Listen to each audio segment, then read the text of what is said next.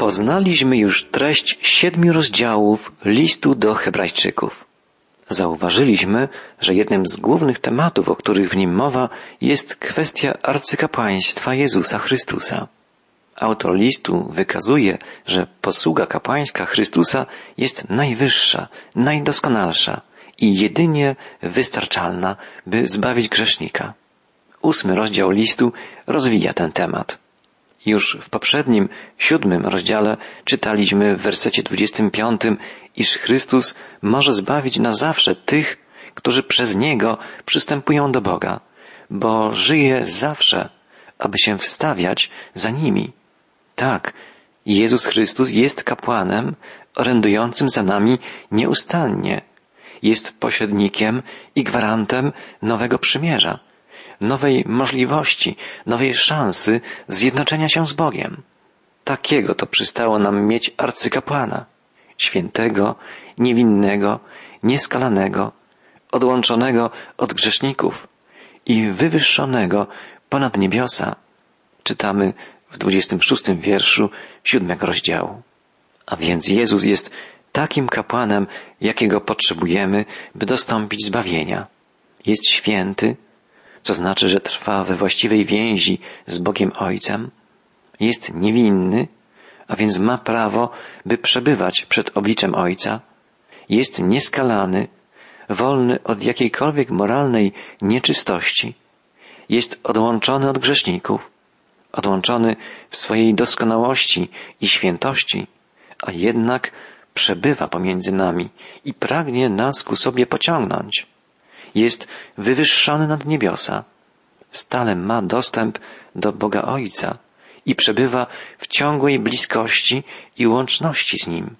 W ostatnich wersetach siódmego rozdziału listu do Hebrajczyków czytaliśmy też o wartości ofiary Chrystusa.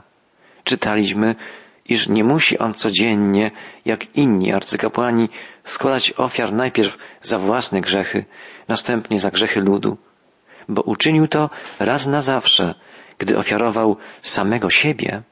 Ofiara Jezusa jako arcykapłana była ofiarą najwyższą. Nie była to ofiara ze zwierząt, kozłów, baranów czy cielców. Jezus złożył jako kapłan w ofierze samego siebie. Nie ma nic cenniejszego, co można by złożyć w ofierze, niż Jezus Chrystus, doskonały, jedyny Syn Boży. Czytaliśmy w ostatnim wierszu siódmego rozdziału, bo prawo ustanawia arcykapłanami ludzi, którzy podlegają słabościom. Lecz słowo przysięgi, która przyszła później niż prawo, ustanowiło Syna doskonałego na wieki. Naszą ufność pokładamy nie w jakimś zwykłym, grzesznym człowieku, ale w doskonałym człowieku Bogu. Ponieważ Jezus jest człowiekiem, może reprezentować nas przed Bogiem i może zrozumieć wszystkie nasze uczucia, może nam współczuć i może nam pomóc, może napotkać nasze potrzeby i przedstawić je Bogu Ojcu. Jest On właściwym, odpowiednim arcykapłanem. Jest arcykapłanem doskonałym, sprawiedliwym, czyniącym pokój. Jest kapłanem królewskim i wiecznym. Te prawdy w pełni objawia następny ósmy rozdział listu do Hebrajczyków. Najważniejszą rzeczą w naszych dotychczasowych rozważaniach jest to, że mamy arcykapłana, który zasiadł w niebie na honorowym miejscu po prawej stronie Bożego Tronu. Czytamy w pierwszym wierszu ósmego rozdziału. Co jest główną rzeczą w tym, co mówimy? To, że mamy arcykapłana, czyli kogoś, kto nas reprezentuje i kto za nami się wstawia po prawicy tronu majestatu w niebie, a więc w bezpośredniej bliskości Boga Ojca. Jest to kluczowa prawda, centralny punkt poselstwa listu do Hebrajczyków. Jezus Chrystus uczynił coś, czego nie mogli dokonać kapłani okresu Starego Przymierza. Jezus nie jest kapłanem z linii Aarona, który by zasiadał na arcykapłańskim krześle w przybytku. Chrystus przebywa po prawicy tronu Bożego w niebie, gdzie stale sprawuje swoją służbę kapłańską bezpośrednio przed Bogiem, przed Jego obliczem. Wszystko to, co działo się do tej pory, było tylko cieniem rzeczywistości. Wszystkie rytuały i ofiary były zapowiedzią tego, co się wydarzyło, kiedy Jezus złożył w ofierze za nasze grzechy siebie samego, a potem powstał z martwych, by zwycięsko stawić się przed Ojcem w niebie. Wszystko, co my musimy teraz uczynić, to zwrócić się do Jezusa z prośbą o ratunek, o wyzwolenie z naszych grzechów. Musimy Mu zaufać jako Zbawicielowi. Jezus przychodzi, gdy Mu zaufamy. W naszym imieniu przed Boże oblicze przychodzi i wstawia się za nami.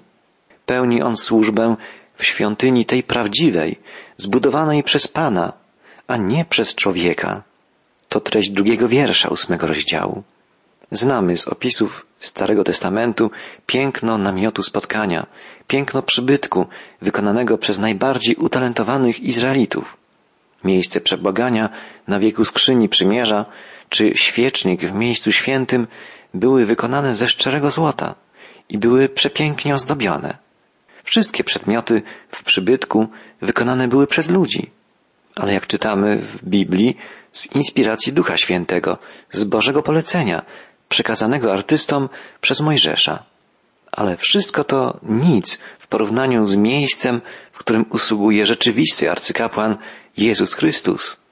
Usługuje On w doskonałym przybytku, wzniesionym przez samego Boga, w miejscu, gdzie Bóg przebywa stale, w pełni swej chwały, swej mocy i piękna.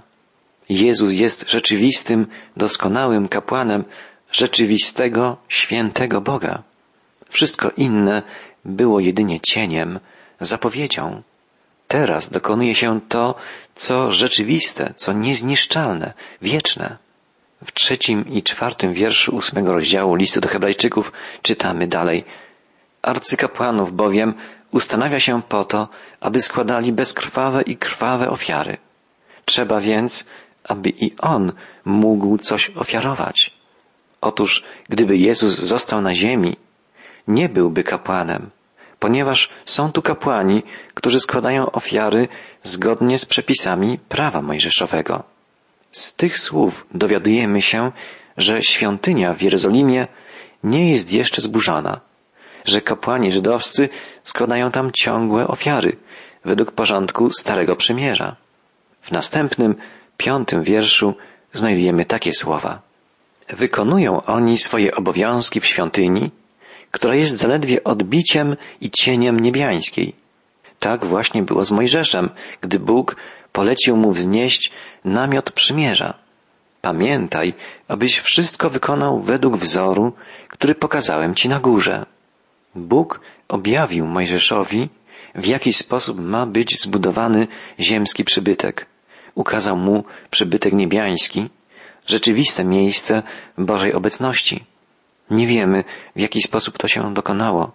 Być może Pan darował Mojżeszowi wizję nieba. Wiemy jedno. Bóg powiedział mu, bacz, abyś uczynił wszystko według wzoru, który został ci ukazany. Przybytek, czyli namiot spotkania, towarzyszący Izraelitom na pustyni, był piękny w swej prostocie i w każdym szczególe wskazywał na Chrystusa. Namiot spotkania podzielony był na dwie części. W pierwszej, zwanej miejscem świętym, znajdowały się trzy przedmioty. Złoty świecznik, złoty stół z chlebami pokładnymi i również wykonany ze złota ołtarz kadzidlany. Nie były na nim składane żadne inne ofiary, jak na wielkim ołtarzu całopaleń z brązu, który znajdował się na dziedzińcu przed namiotem. Na ołtarzu kadzidlanym tylko kadzidło się paliło. Wszystkie przedmioty miejsca świętego symbolizowały Chrystusa.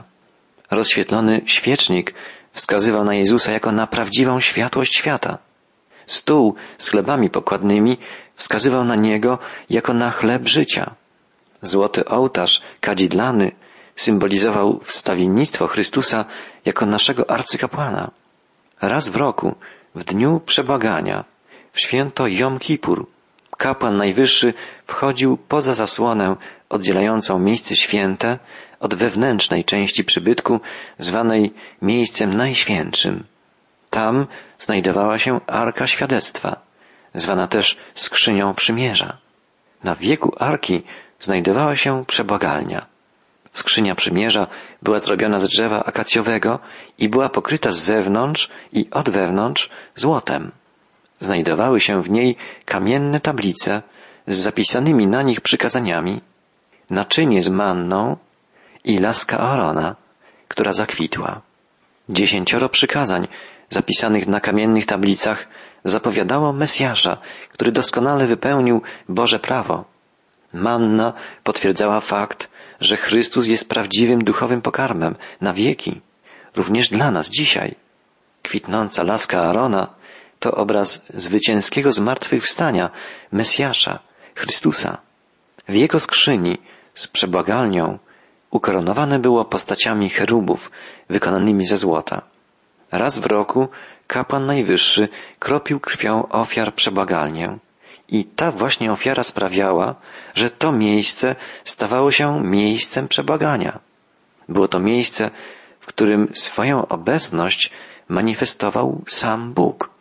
Było to miejsce, w którym Bóg spotykał się z dziećmi Izraela, by okazać im swoją łaskę. Tylko kapłan najwyższy raz do roku mógł wejść do miejsca najświętszego. Ale kiedy zmarł Jezus, zasłona oddzielająca miejsce najświętsze rozdarła się. Jest to obrazem tego, co stało się w momencie śmierci Chrystusa. Dostęp do Boga stał się możliwy odtąd dla wszystkich, którzy zawierzą Jezusowi i w Jego imieniu będą przychodzić przed oblicze Boga Ojca. Stało się tak dlatego, że Jezus złożył w ofierze siebie samego, przelał na krzyżu swoją świętą krew, żeby oczyścić Ciebie i mnie. Chrystus przekształcił ziemski przybytek, ziemską świątynię w przybytek niebiański. Jego ofiara spowodowała, że stało się jasne, iż rzeczywiste miejsce najświętsze znajduje się w górze, w niebie. Tam jest ta rzeczywistość duchowa i wieczna rzeczywistość, w której obecny jest stale żywy Bóg. Gdybyśmy mogli znaleźć się setki, tysiące lat wstecz na pustyni, przez którą wędrował naród izraelski, zobaczylibyśmy ogromny obóz rozbitych w niezwykłym ładzie i szyku namiotów, a w sercu tego obozu wielki namiot będący świątynią żywego Boga. Zobaczylibyśmy słup ognia unoszący się nad przybytkiem w nocy i obłok unoszący się nad nim w dzień. Ujrzelibyśmy kapłanów ciągle uwijających się na dziedzińcu przybytku, składających ofiary całopalne, zagrzeszne, przebłagalne, według poleceń samego Boga przekazanych im przez Mojżesza. Teraz jednak to wszystko okazało się tylko cieniem, zapowiedzią, odbiciem rzeczywistości. Teraz rzeczywisty arcykapłan, Jezus Chrystus, prawdziwym miejscu najświętszym, w miejscu, w którym przebywa żywy Bóg, sprawuje służbę kapłańską, będącą czymś najistotniejszym dla Ciebie i dla mnie. Może powiesz, drogi przyjacielu, przed rozpoczęciem lektury tego fragmentu listu do Hebrajczyków byliśmy ostrzeżeni przez autora listu, że czeka nas trudniejsza nauka, trudniejszy duchowy pokarm. A tymczasem wszystko to wydaje się być tak zrozumiałe i nieskomplikowane. Tak, masz rację. Nie jest to nauka niemożliwa do objęcia przez nasz umysł, ale jej trudność polega na czymś innym. Pozwól, że zadam Ci bardzo osobiste pytanie. Czy uświadamiasz sobie to, że Jezus Chrystus znajduje się w tej chwili przed obliczem Boga Ojca w niebie i powołując się na ofiarę swej krwi, prosi Ojca o łaskę również dla Ciebie? Czy ten fakt wpłynął przemieniająco, rewolucyjnie na Twoje życie? Czy wiesz, że Bóg chce Cię prowadzić przez życie w taki sposób, żeby Jego obecność była zauważalna dla innych? Podobnie jak kiedyś można było oglądać obłok Jego chwały unoszący się nad obozem Izraelitów, wędrujących przez pustynię. Czy wiesz, co to znaczy usiąść u stóp Jezusa i słuchać Go? Słuchać, a potem żyć zgodnie z Jego słowami.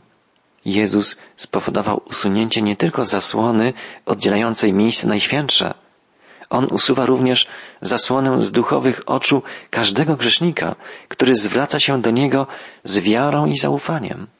Jezus chce usunąć zasłonę z naszych oczu, żebyśmy zobaczyli w pełni Jego chwałę, Jego moc.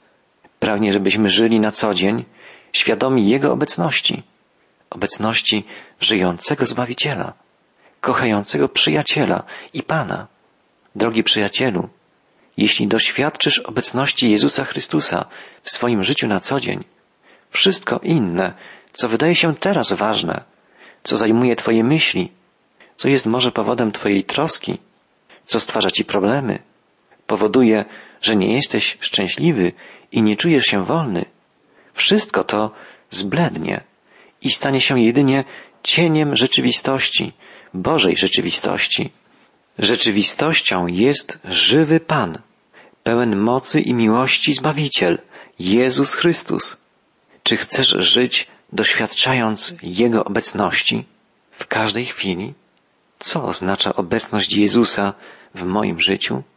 To, że będę chodzić w Jego świetle, w świetle Jego słowa, Jego prawdy. Znaczy to, że jeśli wyjdę na ulicę, będę szedł tą ulicą ze świadomością, że Jezus jest u mojego boku. Duch Chrystusowy otwiera nam oczy na rzeczy, których do tej pory nie dostrzegaliśmy, na potrzeby ludzi, których do tej pory mijaliśmy obojętnie, na ogrom cierpienia, ubóstwa, nieszczęścia, które nas otacza. Być może, gdy pójdziemy w jakieś inne miejsce, w które lubiliśmy do tej pory zaglądać, zatrzymamy się i zastanowimy, czy Jezus będzie się cieszył, gdy tam pójdziemy. Jezus nieraz pobudzi nas do zastanowienia się, do zrewidowania naszego postępowania, do przebadania swoich myśli, swoich motywacji działania. Gdy będziemy stale świadomi Jego obecności, On będzie ciągle nas uczył i przemieniał. Będzie nas prowadził i pobudzał do działania. I tak będziemy rozwijać się duchowo, będziemy dojrzewać. Tylko nie próbujmy przed Nim niczego udawać. Nie zbywajmy Go wypełnianiem niedzielnych obrzędów. Nie zmawiajmy bezmyślnie wyuczonych modlitw. Nie próbujmy robić wrażenia na Bogu i ludziach. To wszystko jest tylko cieniem rzeczy przyszłych, jest cieniem rzeczywistości. Nie o to Jezusowi chodzi. To nie są złe rzeczy, ale mają nas prowadzić do czegoś o wiele głębszego, wspanialszego. Po prostu żyjmy z Jezusem na co dzień. On jest naszym Zbawicielem, jest żywym Panem, jest naszym wstawiennikiem, naszym kapłanem. Powiedzmy to sobie z radością jeszcze raz. Jezus Chrystus, Syn Boży, znajduje się teraz w rzeczywistym, prawdziwym miejscu najświętszym, w niebie, przed obliczem Boga Ojca. To On, Odkupiciel, sprawia, że tron Boży staje się dla nas tronem łaski. Wzywa nas, byśmy przystąpili do tego tronu Bożego z ufną odwagą, bo On tam jest i wstawia się za nami. To, o co powinniśmy się modlić przede wszystkim na pierwszym miejscu, to kwestia wzrostu naszej wiary. Wołajmy szczerze, Panie, wierzę Ci, pomóż niedowiarstwu memu. Niewiara jest czymś, co jest słabością każdego z nas. Brakuje nam wiary. Nie ufamy Bogu we wszystkim. Nie dajemy wiary Jego słowom, Jego obietnicom. Ty i ja potrzebujemy przeżywania, doświadczania realności Jezusa Chrystusa w naszym życiu na co dzień. Nie zobaczymy Go swoimi fizycznymi oczami. Nie usłyszymy Go swoimi fizycznymi uszami. Choć wyjątkowo i w taki sposób Jezus dzisiaj czasem się objawia. Ale Chrystus pragnie, byśmy otwarli nasze wewnętrzne, duchowe oczy i uszy, żeby nasze duchowe zmysły, nasza duchowa wrażliwość i żywotność ciągle wzrastały, dojrzewały, by stawały się decydującymi o naszych wyborach, o naszych myślach, uczuciach, motywacjach, słowach, czynach. Może to sprawić tylko nasza wiara, a raczej sprawia to wszystko dzięki naszej wierze Zbawiciel i Pan, Jezus Chrystus,